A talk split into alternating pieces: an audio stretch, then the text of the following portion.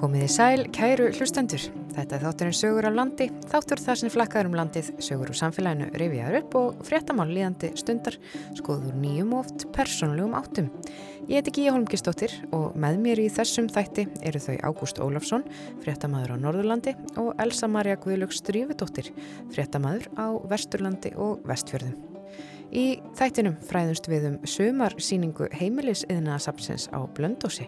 Við ræðum við umhverjustjóra skútustæðarreps og smökkum ís fram í eigafjörðasveit.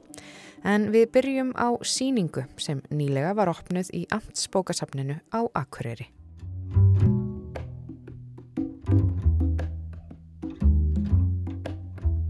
Titill síningarinnar er Fyrstu kynni, grænlendingar á Ísafjörði 1925.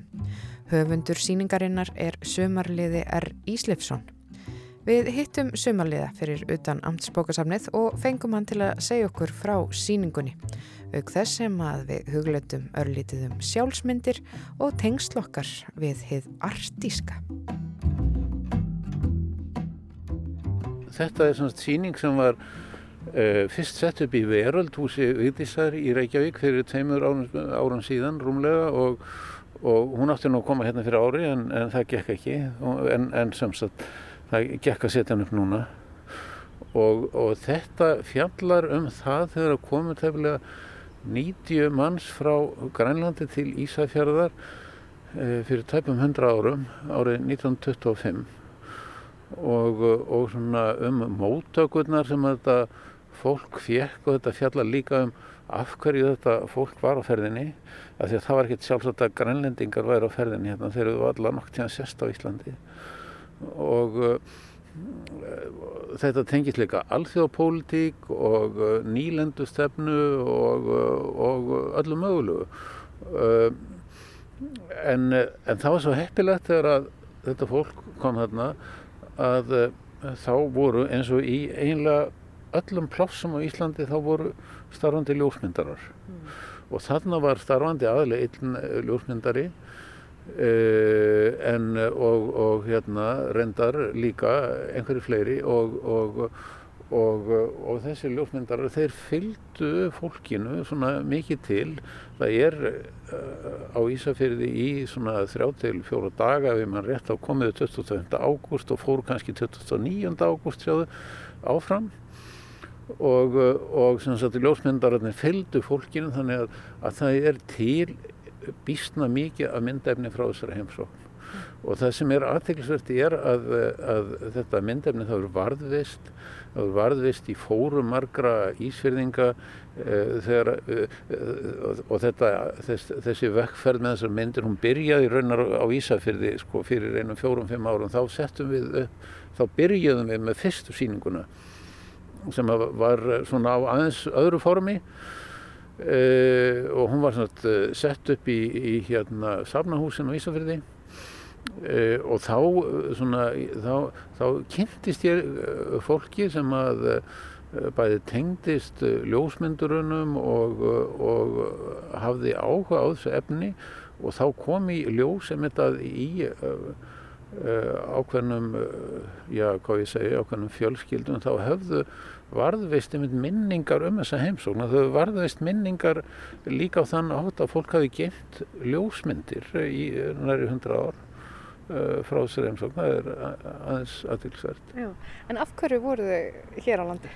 Ég sko þau koma 70, um það byrj 70 þeirra koma frá Angmaxalgsvæðinu uh, eitthvað í kringun 20 uh, koma frá samsagt vestu Grænlandi og og, um, og þegar þetta er þá eru kannski ekki náma svona þú veist það eru kannski það eru nokkur hundru manns búsett á öllu östu grænland á svæði sem er á stærði vestur Európu uh, en það sem er að gerast er sem sagt það að norðmenn eru að ásælast hluta af östu grænlandi.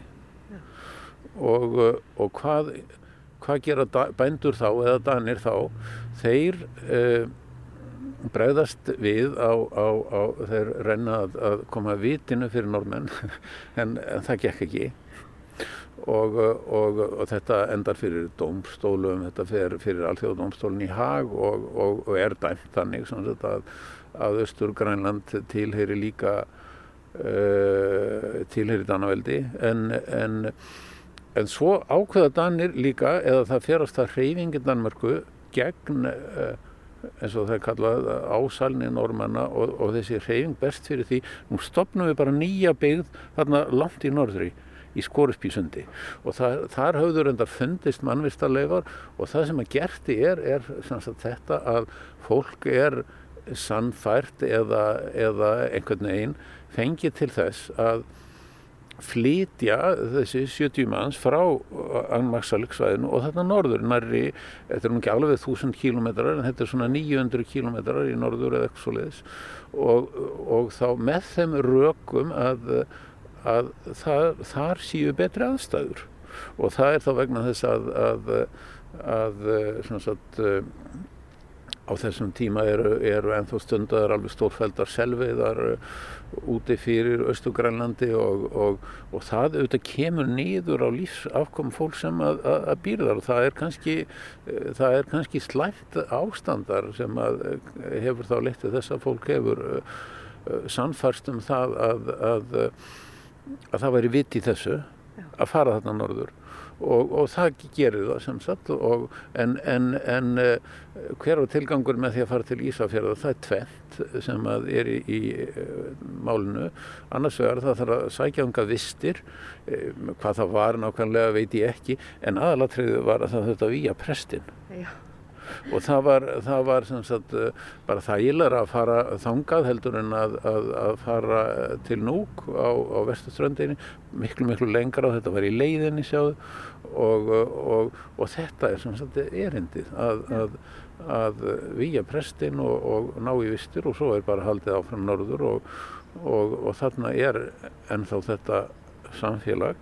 En þú talaðir um að uh, það væri marga minningar til á Ísafyrði um komu þessa hóps. Já. Hvernig minningar eru það? Já sko það eru, það eru kannski fyrst og náttúrulega minningar um svona, já hvernig var tekið á móti fólkinu uh, og það er svona, það er líka bara vittnesspörður um það er mikil forvitni þegar þetta fólk kemur, hvernig er þetta fólk, hvernig lítur það út? Veist, það, er, það er bara þannig á þessum tíma að fólk hafi aldrei séð grænlending og almennt eru bara miklu fordómar gagvart grænlendingur, grænlendingu, þú veist, það eru algengast er að kalla grænlendinga skrælingi á þessum tíma það er hugtaki sem er notað og það segir auðvitað rosalega mikið um það hvernig, hvernig, hvernig sagt, hugsað er um þetta fólk. En, en, en það er sagt, uh, uh, það er forvitni og, og, og það er líka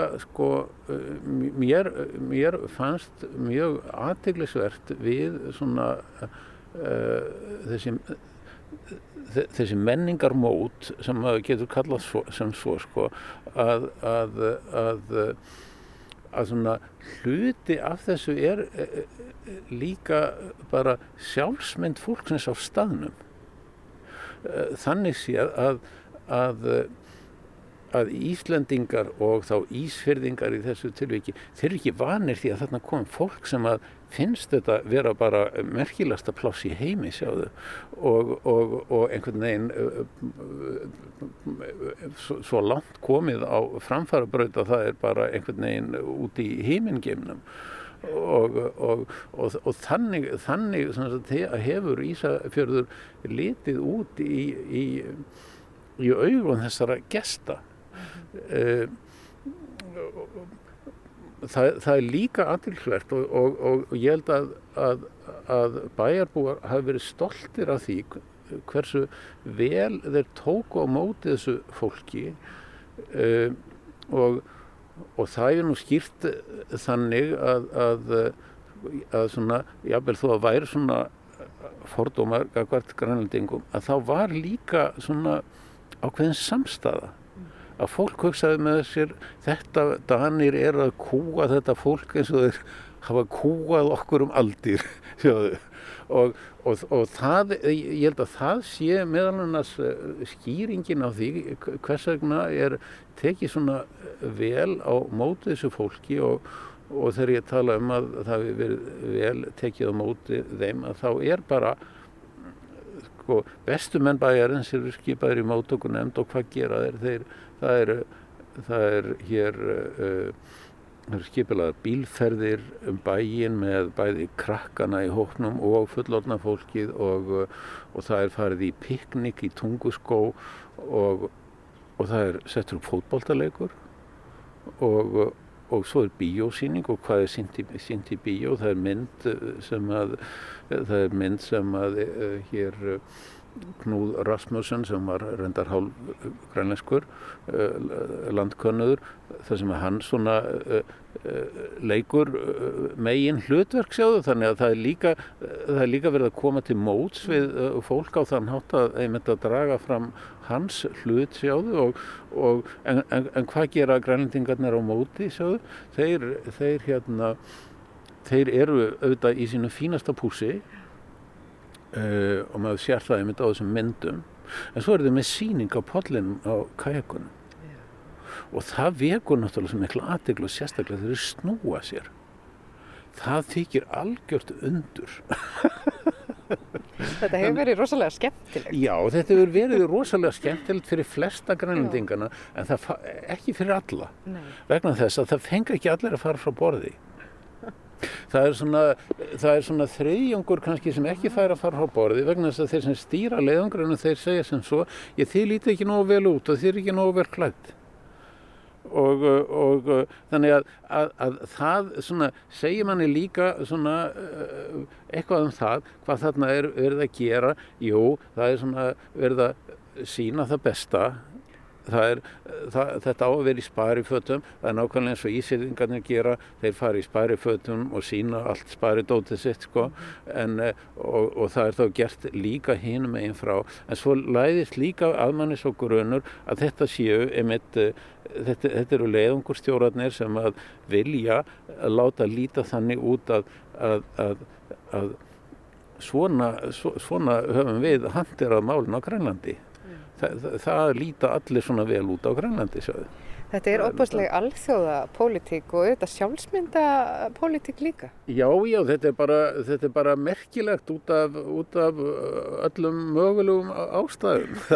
það, það, það er það bara og, og svona full ástæða til að, að vekja aðtegla á þessu og það sem er mjög líka aðteglisvert í samvætti við þetta er hvað uh, hér sko það er ekki nóg að þetta sé aðal eh, málið í fjölmiðlum þarna setnipartin í ágúst og byrjun september 1925 heldur er þetta hvað eftir annað rifjað upp? Það eru, þú veist, þetta er þetta er, þetta er á vissanhátt stór atbyrður og þetta er á svona afmælum uh, sko þá er það 1950 uh, til dæmis þá er þetta rifjað upp en er en, en, ég, ég, ég minnist þess bara að það eru að, að svona þegar ég verði að skoða þetta að, að með reglulegu millibili er þetta rivjað upp og sagt frá þess og, og það er einhverjar ástæður fyrir því.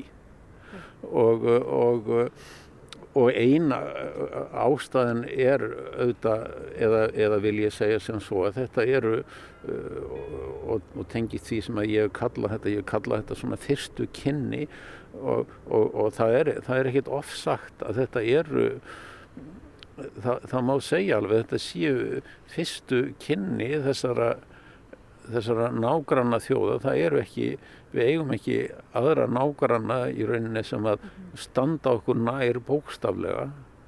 Það, það, það er bara þannig og, og, og þú veist það er, það er ein ástæðan fyrir því að, að, að þetta hefur oft verið revjað upp en, en, en, en síðan er kannski líka þetta einmitt að, að að fólk var það var bara svona ákveð stolt yfir því hvernig var tekið á mótið þeim Já. og svo tengist þetta kannski líka bara sjálfstæðisparutunni, þjóðuninsíkjunni svona að, að, að lifta öðrum sem hafa verið í svipari stöðu og, og Íslandingar. Já. En uh, þetta rýma nú vel við bara þá tíma sem eru núna, nú eru norðurslóðir alltaf að fá sífælt aukið vægi og, og við erum eftir vil að samsam okkur meira í þá áttina út af því að það er ansi mikið mikilvægi alþjóðlegt mikilvægi að, að svona já, horfa þanga og horfa já, til Grænlands og ymislegt svona. já, og ég var nú spurð að því um sko. daginn hvort að ég teldi mig vera uh, af norðurslóðum. Og þarna lendi ég bara í pínu klemmu. Já, og hvað, hvaðan ertu? Já, þetta er spurning. Tengjast við Evrópu, tengjast við Norðurslóðum, tengjast við hvað? Það við liggjum einhvern veginn þarna á, svo miklu grensu. Ég að, að, sko, að, að fólki vefjist tunga um tönn, sko, hvaðan, hvað, hvað, já, hvað er ég og hvaðan er ég? Og, en, en, en það er alveg rétt hjá þér, það hafa orðið alveg gríðarlega breytingar hvað þetta varðar á síðustu 30-40 árum að það er einhvern veginn það, svona, það er megin lína í íslenskri pólitík langt fram eftir 20. öld að, að emitt að, að vera með mjög skýra línur við erum norðurlanda fólk, við erum Evrópumenn, við erum alls ekki heimskvöta fólk og við erum þó að við getum alveg haft samskipti við grænendinga, það eru ekkert lík þeim og eigum svona höfum ekkert mikið þangað að segja það er einhvern veginn, það er eh, svona meira og minna ráðandi lína fram um 1980 mm -hmm. uh, en, en, en við þarfum eru reynda fara að breytast uh, fyrr kannski svona uh, ég sérstaklega í kringum 1970 það eru þetta mjög margt sem veldur það er bara breytingar í, í, í bara svo stórkostlega breytingar í viðhorfum sem að þá gerast en Svo tengist þetta auðvitað alls konar hagsmunum. Það eru, það eru, uh, það eru hafréttarmál og, og, hérna, og, og sjávarútvegsmál og svo auðvitað bara hér sko, þegar að, að tímar líða þá breytist svo mikið staða Íslands í kringum aldamótin síðustu að, að alþjóðleg staða Íslands gjör breytist og sem er hafa nú sagt sem svo að þá hafi Ísland verið vinalöst eftir að var hringt í auðvitaðrikisráðunetið og sagt að nú er, nú er hérinn farinn sko. Og, og, og það er bara, bara heilmikið til í því og, og eftir þá þara sko, áherslur í utarrikiðspólitík og, og, og afstafa til norðurslóða uh, breytist mjög mikið. Uh, og það skiptir mjög miklu máli í þessu samengi þegar að, að, að vestnorrenna svæðið verður til, það er svona Ísland, Grænland og Færiar, þegar það verður til upp úr 1980 og, og með því að lagður grunnur líka að alls konar samvinnu í, í, í efnagsmálum, hafréttarmálum, uh, uh, jú, líka menningarmálum, sjáðu, uh, ferðamálum. Þetta er orðið bara gríða mikið net, sjáðu, sem að, sem að þarna er orðið til, sko. En uh, þetta, svona eftir síðustu aldamót, þá er þetta bara einhvern grunn þáttur í, í, í, í íslenskri utaríkispolítík og og uh, ef við förum svo nær okkur í, í, í, í tíma að, að, uh, svona, að þá, uh, þá sjáum við að það er svona smá sem að farið að endur skilgreina landið. Mm.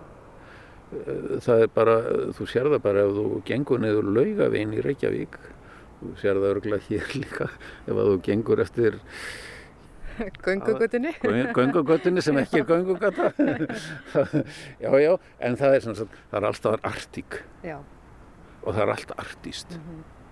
og, og, og, og þetta tengist náttúrulega líka bara stór auknum áhuga á þessum svæðum en svo tengist þetta líka bara miklum, uh, miklum uh, áhuga uh, sem að tengist túrismannum á þessum slóðum. Já. Það er bara rosalega eftirspurn eftir Arktík. Þetta er svo og, framandi, já, alveg eins og okkur já, kannski finnst uh, norðurslóðir alveg jafn framandi og, og, og þeim sem koma svona hugmyndin um það já, já, já, já. Og, og, og þannig að, að, að, að við, við erum svona góðri leið með að verða aftur artísk mm. Eh, eins og við vorum hér eh, lengi lengi. Hér, hér, hér forðum daga. Og það er kannski það sem er hægt að segja um þetta að, að við erum svona við erum að þessum mörgum og við nótum okkur það aldrei, við erum stundum sko, sunna við mörkin og stundum norðan við mörkin og það getur verið mjög gott að í þeirri stöðu.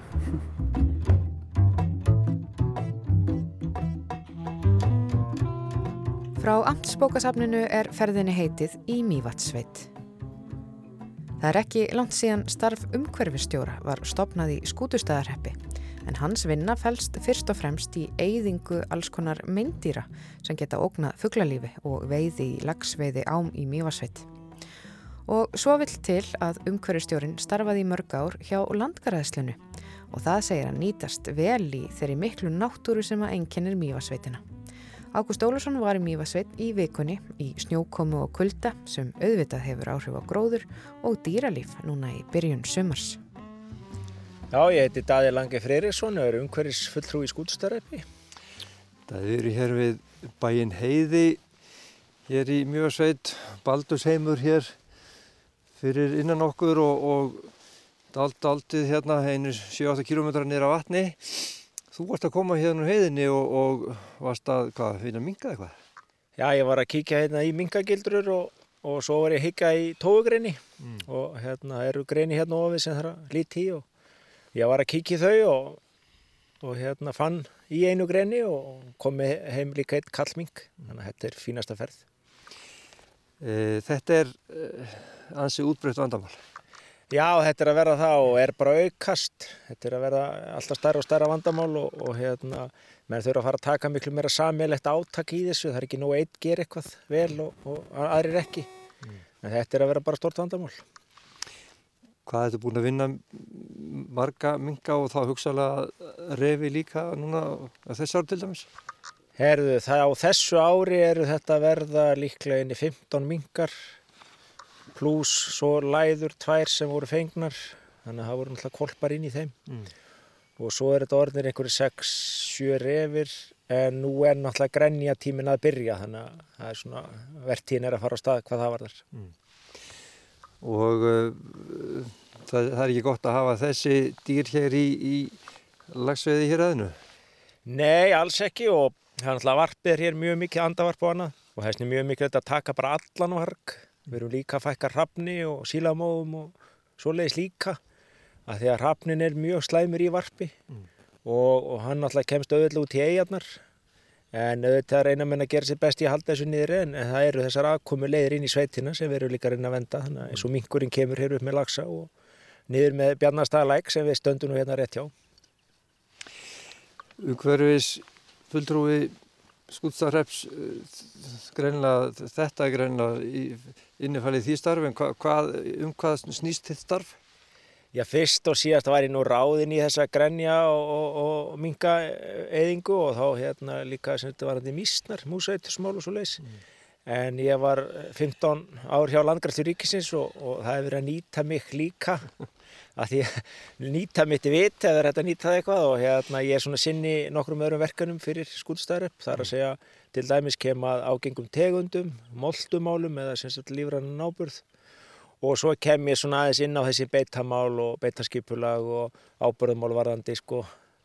Já ég má segja ég sé komin hinum með við borðið hjá landgræslinni eða þannig, ég er svona mm. sitt, sitt á mótið núna þannig að mm. það er svona verið að nýta mér heilan eitthvað í þetta. Og það er nú bærilega mörgu verkefni vendilega í, í umhverjunni hér, það er nú, nú fáum svæðið mjög fjölbreytt og magnað umhverju við, við mjög Nei, það er alveg rétt og, og hérna, þessna bæði byrja að venda það og verja það og passa það og reyna að bæta það. Þannig að við erum reyna að gera það með svona öllum ráðum og þetta er náttúrulega og segir, þetta er gríðarlega stór sveitafélag og, og fámenn hlutvarslega með við það og, og auðnirna miklar en, en hérna, þetta er bara verkefni og spennandi verkefni að takast á við og hérna, kemur náttúrulega svona skemmtilega inn í þessi loftlagsmál núna að hérna, reyna að bæta á laga landið og jáfnframt við, viðhalda þessum lífræðilega fjölbyrtileika með fækkum þessar ágengra tegunda og reyna að halda sko balansa þessu lífrikið mm. að ekki viljum hleypa minknum á tóunni hér upp og, mm.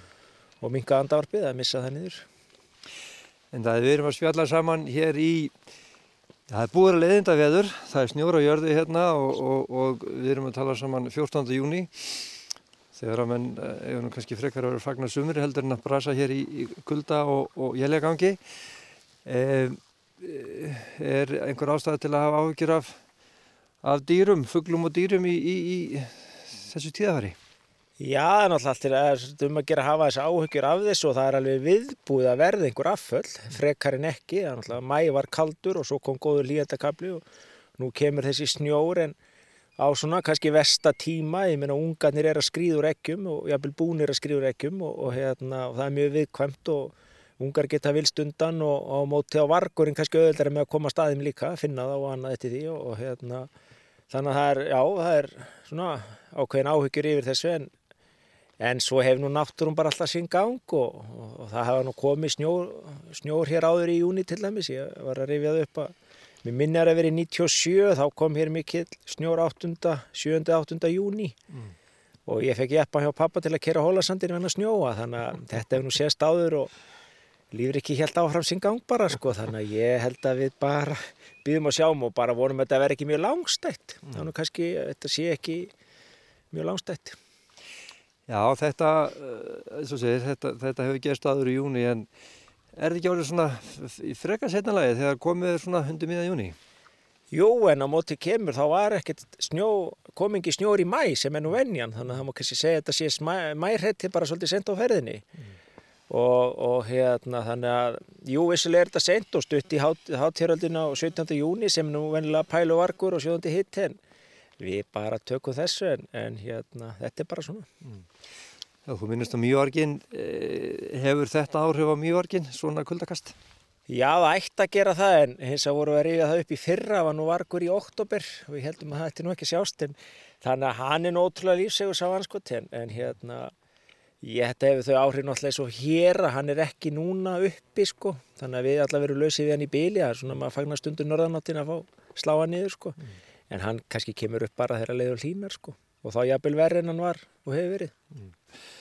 Það, það er svona varpið út talar um það, fugglin er að verpa og, og gæsin er komið ungan og, og öndin er svona, já, reyðri stóluta en það heyris mér. Eh, hvernig eh, vegnar andarstofninu við mjög eh, núna, hann sveiflast upp og niður, er, er hann í, í betarlægi núna? Ég heyrði það eftir átna eina sinni að tallingar hefur bara komið ákveðla út mm. en svona okkur heimamönu finnst svona minna fuggli en hefur verið. Kanski er það tengt treyla átuskorti og kuldunum í mæ og svo þetta tengið þetta líka varginum ef er vargur á ferðinu og sem að minna fuggli. Þannig að mm. Svona tilfinningin er svo að, að það vandi aðeins áti í vatni núna. Það er að segja að sílungurinn er svona gæti verið betri og það er mikið á hotsílum og þá er urriðin uppi en bleikjan svona meira niðri og, og hérna litli matfiskurinn bleikjan hún er kannski svona ekki alveg svona að vera vant að kornátunni eða eitthvað í hana. Þannig að þetta svona sveiblas mest eftir ættinu og ég held að vanti bara hans í fluguna og svona þetta betra ætti þannig að það er nógu hotsílum og urriðin er mjög feittur og fín í vatninu þannig að ég vona að þetta verði bara í lægi en, en hérna við svona höfum aðeins áhugir að því að þetta gæti verið betra en kuldatir í mæ voru náttúrulega langstæðir og fugglinn kannski setna á ferðinni líka. Þetta, það verður stöður mjög erfitt að, að spá í þetta. Það spyr marga, þú myndist að Átna Einarsson og, og, og hérna oft búin að tala við hann um þetta og, og menn bara horfa á þetta gerast og sveplast og breytast og það er ekkit, það er ekkit mörg svör. Nei, hann og stundu talaði um það að það er rannsaka og rannsaka og rannsaka og það eina sem skilar að það þurfi meiri pening til að rannsaka meira. Við fáum alveg sjálfna niðurstöð en, auðvitað er núna verið að horfa í þessi svartvarsmál og frávitumál og kannski lagast eitthvað við það eða breytist eitthvað við það, ég veit ekki. En þetta er bara líka náttúrun og tíðafar og hittafar og þetta eru bara sveiblur í lífríkinu sem menn hafa séð bara í gennum aldirnar og þetta er bara við erum á einhverju stíi núna sem er bara svona og svo kemur eitthvað annað næst og mm. það getur snjóað í þennan mánuði í júni og svo getur verið miklu þurkar í næsta mánuði í júni og næsta ári og þetta er bara búið Íslandi. Mm. En daði hvað er framundan í þínu starfi fyrir sveitafélagið í umhverjum, hvað fer það að gera næsta? Herðu, nú erum við að vera að fara bara að leggjast á þessi tóagrenni sem ég er búin að finna í. Mm og halda áfram að kíkja þessi í, gildrur og, svo náttúrulega verja varpi fyrir ágangi minks og, og fuggla. Þannig að nú er ég búin að reyma á mig meindir að varna skóna og þó ég sé í stífilu núna akkurat en þá hérna er það þannig að nú er hefst þessi svona, já, vargeiðing mikil og fyrst og síðast er það greinja Ísland. Mm. Og í fyrra voru þetta nýju greini sem voru unnin í mjög ásett og það má gera á fyrir þessu allavega ekki færri ár mm. með það sem búir að sjást. Mm. Og svo bara heldur þetta áfram, minga veginn kemur og svo misnar í haust og heldur bara svona áfram. Mm. Og núna glennir sólinn sig aðeins fram úr skíunum og það er svona, maður finnur það að lína strax og og hérna vantarlega ferði þessi snjór þá bara fljótlega Já, já, hann, hann hérna, eins og gammal bondi segði mjög á sitt, hann oftar að batni vestni og ég held að sé nú bara þannig, hann er bara er að batna núna og bara þetta áttir að vera allt í lagi. Endum á því, takk hjá það fyrir spjallu og, og gangiði vel í, í greinjavinslunni. Takk að fyrir.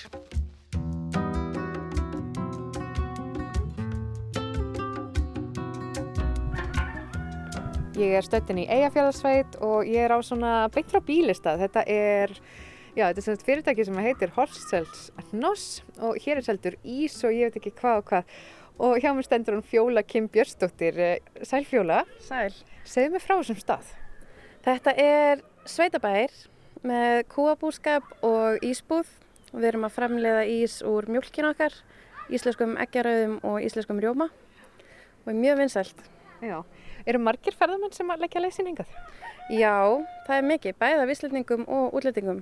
Fengum óvinni mikið af íslendingum í fyrra út af svo litlu COVID og bara mjög vinsælt. En eh, hvernig finnst þér svona sumari fara á stað? Nú er komið byrjun júni, er þetta að sjá aukningu í að fólk sé að koma yngað? Já, það er að byrja meiri trafík fyrr. En það var líka senastu sumar, sannilega bara því að fólk er að ferðast meira innanlands.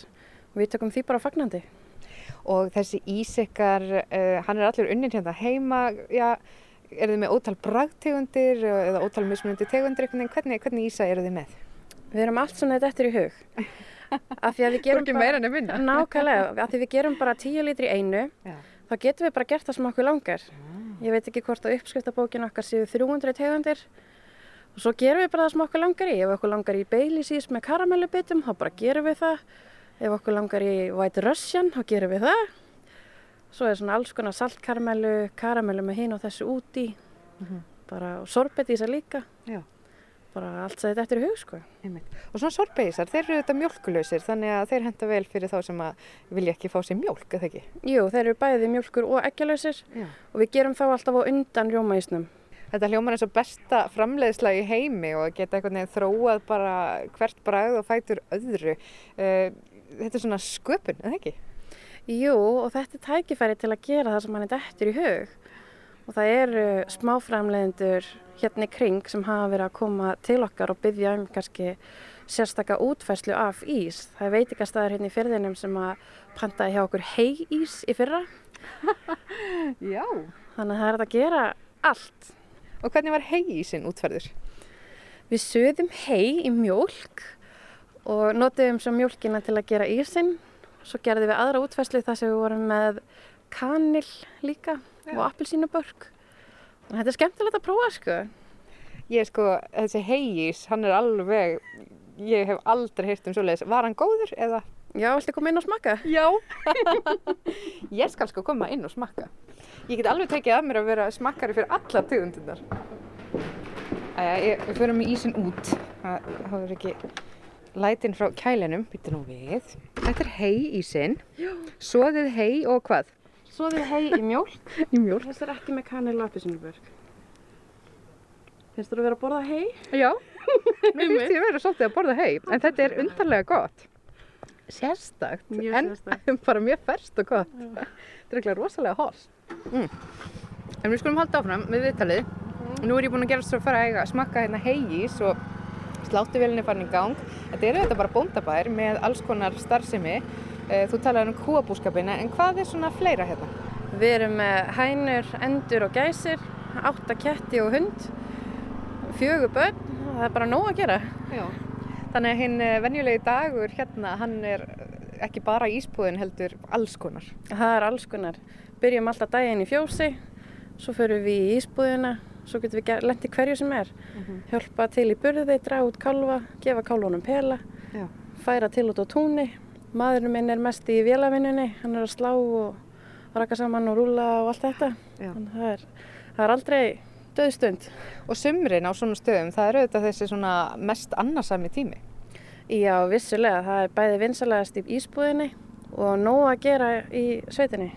Það er hérna, þeir eru hluti af þessu svona smáframleiðendum og það er þessi matarstígur sem Já. heitir matarstígur Helga Magra. Hva, hvernig virkar hann? Það eru smáframleiðendur hérna í, í Eyjafjörðarsveit sem eru saman í matarstíg Helga Magra.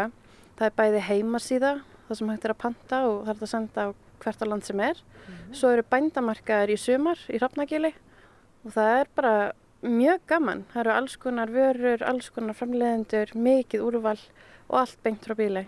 Já. Og þið seljið líka eitthvað hér í búðin ykkar? Já, við erum með alls konar vörur, bæði handverk og maturur. Þannig að það er mikil gróska í eiga fyrir að sveit. Já, hér er lífið sko. Þú ert nú einmitt að flytja af mölinni í gæsalöpum og hinga til þess að aðeins svona komast í rólegra andrumsloft. Já, við vorum komin í svolítið streitu í Reykjavík fengum þetta tækifæri að koma að hinga í sveit og við stukkum á það. Mm -hmm. Takk fyrir að, að taka hérna á móti mér í Holtzels ís og gangi ykkur vel. Kæra þakkir, takk fyrir. Úr eigafyrðunum höldum við á Blöndós en þar má finna heimilis yðnaðar safnið og forstöðumadur þess er Elín S. Sigurðardóttir. Elín hefur fyllt safninu í gegnum miklalar breytingar síðustu áratögi. Það var stopnað upp úr miðri síðustu öld í kjölfar stoppsetningu byggðasapns húnvetninga og strandamanna og starfsemi þess var um árabil hluti af starfsemi kvennfélaga í sveitarfélögum í húnaþingi. En á tíunda áratögnum var komin tími á breytingar. Þar tökum við upp þráðin hjá Elinu þegar að kvennfélagin voru að leytast eftir því að sapnið erði sjálfsegnastofnun og að sveitarfélagin tæki þátt í rekstri þess. Árið 1993 þá náðu hvernfélagskonur að, að ljúka þessu og það var mótuð eða mynduð sjálfsvegnarstofnun með aðild sveitafélagana mm. ekki alveg allra í upphafi en svo, svo örfáum árið síðar þá voru öll orðin aðilar að stofnunni e, nokkrum árið síðar þá, þá fækkaði sveitafélagunum niður í fjögur sveitafélag og sem hafa þá Eh, verið aðilar á stopnunni og séð að mestanpart um að leggja stopnunni til rekstrar fér. En eh, þau hafa því miður, eh, þeim hefur því miður fækkað mjög mikið en það þjóna allt önum tilgangi í dag heldur en þau gerði á þessum árum mm. og konur mjög uppteknar í allskynns vinnu ekki bara inn á heimilónum heldur en allri bara eins og við þekkjum í dag og, eh, og þau eru orðin ansi fá og fá menn. Þannig að, eh, að, að staðan er einfallega þannig að það eru sveitafjölugin sem að hafa syngt eh, rekstrinum eða veitt fér til rekstursins Og eh, hvernig er starfsemi samsins í dag? Sko, eftir að það myndu þessi sjálfsvegnarstofnun þá var að fara að vinna upp uh, alla þessa fagvinnu sem lausilin er til þess að halda utan um svona stofnun sem var feikna mikil, mikil pappirsvinna mm -hmm. og, uh, og síðan í framhaldi var, fara, var, var spurningin áttu við að bara pakka þessu nýður og hætta þessu eða getum við, við gert eitthvað meira og og til að hlaupa aftur hrættu þessu mm. þá mhm. var niðurstaðan svo að byggja hús og uppalega var nú meiningin að hafa það bara einfalt mm. svona auðvelt lítið, eða ekki lítið eða svona kannski skála til þess að væri hægt að taka betur eða auðveldlegar á móti hópum og gestum því það var ljóst að fólk vildi gertan koma í þetta saman og og en svo svona eftir því sem að tími leið að þá breyttust hugmyndir og, og, og, breyttust teikningar og þá var þessi niðurstada að það kom þessi teikning var valinn og það er uh, uh, hún er einmitt unnin á teknistofu Guðrun og Jónsdóttur og hún fylgdi henn úr hlaði og, uh, og við opnum síðan síningar í þessu húsi árið 2003 tókum fyrstu skóplastunguna 2001 og opnum síðan síningar í 2003 og þá mótuðum við síningarnar þannig að við svona ákveðum að flokka síningarnar upp þannig að það er sérstök, sérstök stofa fyrir útsöng mm -hmm. það er sérstök stofa fyrir þjóðbúninga og uh, það er sérstök stofa fyrir ullina eða já og svo með gamla rýmið fremra og innra herbyggið að við tilengum það núna alfarið Haldur og Bjarnadóttur mm. eða allt frá þessum tíma svona líf og störfum hennar og, og hún eins og ég nefndi á þann hún hafði gefið til Búnaðarfélags Íslands nú ja, síðar bændarsamtakana e, þessa muni, valdamuni og þessir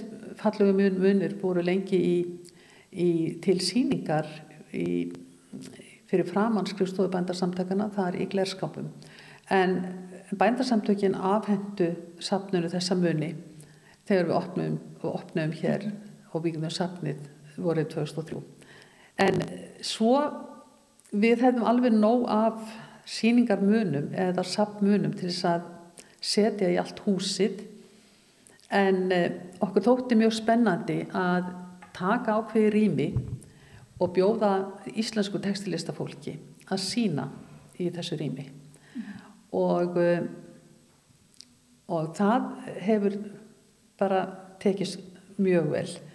Eh, fólk hefur verið mjög eh, áhersamt og það hafa yfirleitt verið bara fyrirspurnir eh, og engi vand að velja úr.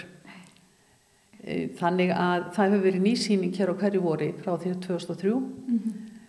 þar til núna að, að á síðustlun ári það var svo margt sem gerðist og, og margt sem að týndist vegna COVID en þá var sett upp hér mjög falleg síning, mjög uh, ólík, reyndar hafa allar síningar það verið afar ólíkar á milli ára, en þessi síning var að þvíleiti til ólík að hún tengdist bókum. Mm -hmm. Þetta er sem sagt uh, textil bókverka síning og uh, en máli var að við gáttum aldrei opna síninguna formulega og við það var líka þannig að að gestir gestakomur voru mun eða bara alltaf helmingi færri en venjulegu ári mm -hmm. þannig að eftir vangaveldur þá var bara ákveðið þrátt fyrir fyrirspurnir með síningarými að framlengja þessa síning, síningu mm -hmm. og uh, nú hafa þessar ágætu konur sem eiga þessa síningu sem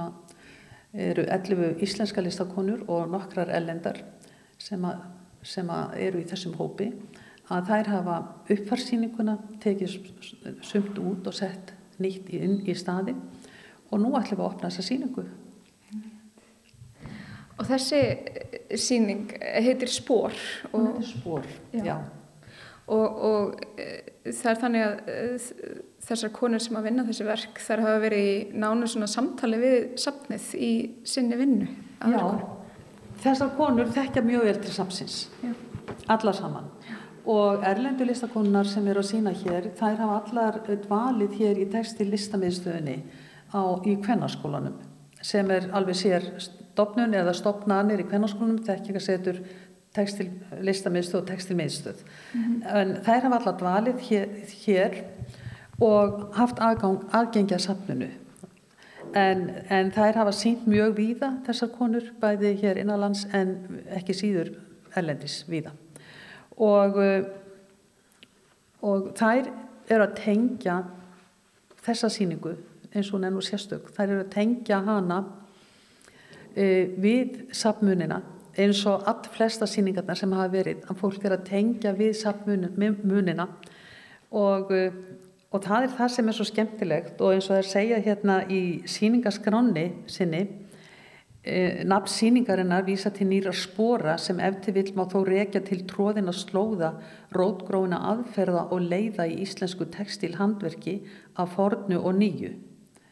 og svo, svo við höldum áfram. Sum verkan að vísa í íslenskar textilhefðir, vefnað, útsaum, júrtalitun og fleira, auk þess að vera innblásinn af náttúru íslensk, menningu, kvenna og sögu. Og það er koma einnig hér að, erlendu þáttakarnir hafa allir dvalið á textilsetrun sem heitir núna textilmiðstöð og síningahópurinn í heilsinni þekkir vel til heimilisinaðsapsins. Sumverking kunna vera innblásin af munum á sapnunu, sjónrætni og hugmyndafræðilegur upplifun af verkum sem þar eru varveitt en listahópurinn nýtir þannig þann merka fjársjóð sem brunn í listsköpunni.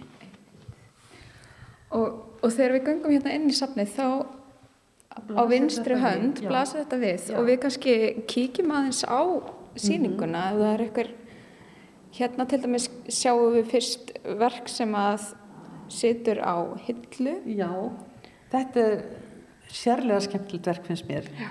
Vegna þess að þarna er viðkomandi listakona að vísa beint í útsaum sem heitir Harðangur og Klustur. Já. Og ef við förum svo inn í hér útsumsherbyggið sem við köllum reyndar herbyggið hennar eða herbyggið konunar mm. að þá sjáum við hér í þessari skuffu Harðangur og Klustur, dúk, mm. útsaumað með Harðangur og Klustri og næsta verk hjá henni vísar vísa beint í kvítsög og það er, það er það sama þetta er alveg beintenging mm -hmm. og hún þessi uh, hérna kona, hún heitir Artrúður Ösp Karlsdóttir og það eru fleiri verk hér innar í síningunni eftir þessa konu mjög mm -hmm. falleg sem að, þar sem hún er akkurat að, að tengja við fortíðina mm -hmm. Og það sem við sjáum hérna er, uh, þetta er pappir sem er búið að brjóta saman og svo hefur hún skorið út uh, munstur. Skorið munstur, já. já. Líkt og harðangur og klaustur og það var hægt að fara hérna hinum meginn í gangin og inn í herbergið hennar. Já, akkurat. Einmitt. Og ef við göngum áfram þá sjáum við hérna, það er alveg þó nokkuð af bókverkum hérna og innar í safninu þar er borð þar sem að er ansi áhugavert verk einnig. Já, það, það er bara til viðbótar við, við tengingar við muni sapsins og, eh, og hér ymitt er, þarna var þessi kvítsömmur, hér komum við í vefnaðinn mm -hmm. og ymitt eh, þessi, þessar bækur sem liggja hér að þarna er bein tilvísun í salonsvefnað og hér viða í safnunu þá eru teppi, salonsofin teppi í ymsum litum. Þannig að þetta er mjög skemmtilegt hvernig, hvernig það er ná að tengja saman, grýpa eitthvað ákveðið og, og búa til eitthvað alveg nýtt. Og það eru fleiri svona kannski ljósari tengingar hérna er áttablaða rosin? Já, hún er náttúrulega alltaf afskaplega skemmtileg og, og áttablaður rósin er nú víða hér í safnunu og uh, þessi, hérna hefur hún búið til bók og skorið út áttablaður rósina. Og svo sjáum við hér sko dálitin útsömm líka en svo er útskurðurinn hérna alveg sérlega velgert og fallegt. Og þetta er Bryndis Bragadóttir sem hefur, hefur uh, gert þetta á, á þetta verk. En hvernig er það, nú er náttúrulega þessi síning búin að vera ofinn í, í ár þótt að hún sé að fá þessa uppfærslu núna, hvernig hefur fólk bröðist þessari síningu? Já, á, það er, síningin er dálítið augrandi, Já. það er nefnilega málið og það er mjög skemmtilegt. Um, all flestir sem voru að koma hér í fyrra sumar uh, brúðist mjög vilið, fannst þetta óskaplega skemmtilegt og sérstaklega að hafa þennan bækling með og lesa sér til hvernig það er hugsa, hugsa uh, verkin og svo framvis og þetta er bæðið á íslensku og ennsku þannig að hver og einn getur svona farið um og, og, og farið í sinn heim með þessu. Og uh, það voru því miður fáur útlendingar en, en uh, fólk tók sér mjög góðan tíma mm -hmm og viltist njóta þess mjög vel. En svo er annað fólk sem finnst bara ekkert varðið í þetta það er alltaf þannig og finnst kannski þetta verið svo langt frá uh, bara því sem að konur voru að gera hér áður fyrir. Mm -hmm. En þessi síning höfðar ekki síðu til karla. Vegna þess að það eru mjög margi karlmenn sem að hafa unnið að allskynns fallugu bókverki og, eh, og við fengum bæði íslen, íslenska og, og erlenda karlmenni fyrir að hinga í heimsók sem að sem einmitt höfðu unnið bókverk og fannst þetta mjög bara vel unnið og faglega gert. En það er einmitt þá þetta hvernig er verið að vinna með svona gömul og hefbundin mótíf í textil svo í þessu sem að fólki finnst erfitt að takast á við eða hvað? Já, það, já, það verist sko að það að, að það er verið að vinna þetta með þessi gömlu munstur og gam, eins og þú segir göm, gömul mótíf og setja inn í bók á einhvern nátt en samt er textil og, það er að ná þessu saman, heim og saman. Mm -hmm. Og svo er þetta e- einmitt líka áhugavert hvernig þess, þetta sapn og, og munirnir og síningin, þetta er, þetta er kvenna, bara, þetta er allt konur sem að standa að þessu. En svo er þetta einmitt ákveðin Karla Heimur, bókbandið. Alveg rétt. E, bókbandið er ákveðin Karla Heimur en, og það verður viðkennast að Þetta er fyrst og fremst menningar ára hvenna sem að, við erum að sína hér. En þó e, er þessi menningar ára hvenna hann blandast mjög mikið við menningar ára karla líka því að hér áður þá átt við afskaplega flotta vefara. Og hér inn í haldurstofu þá náttúrulega getur við bara séð alveg einstaklega flottan vefnað þær spunnu konurnar og spunnu mjög fínan þráð karlmennir ófu Einmitt, einmitt. Þannig að þetta var mikið til eh, samstarf Já, þetta var mjög mikið samstarf Já. og mikil samvinna Já. Já. En þetta er alveg reglulega skemmtilegt Elín, þakka að kjallaða fyrir þetta einmitt Þetta var Elín S. Sigurðardóttir sem sagði okkur frá sögu heimilis yðnaðasapsins á Blöndósi og síningunni Spór sem hægt er að heimsækja þar Í einslæginu var auk þess sagt frá verkonum Bók eftir Svamborgu Mattiasdóttur, einn áttunda eftir Bryndisi Bragadóttur og verkonum Harðangur og Kvítsaumur eftir Arnþrúði Ösp Karlsdóttur. En þá er komið að lokum í sögumálandi í dag. Viðmælandur í þættinum voru þau Sumarliði R. Ísleifsson, Daðilange Fredriksson, Fjóla Kim Björnsdóttir og nú síðast var rætt við Elinu S. Sigurðardóttur. Tæknimaður í þættinum var Lítiða Gretarsdóttir. Við þökkum þeim sem hlýttu. Livið heil!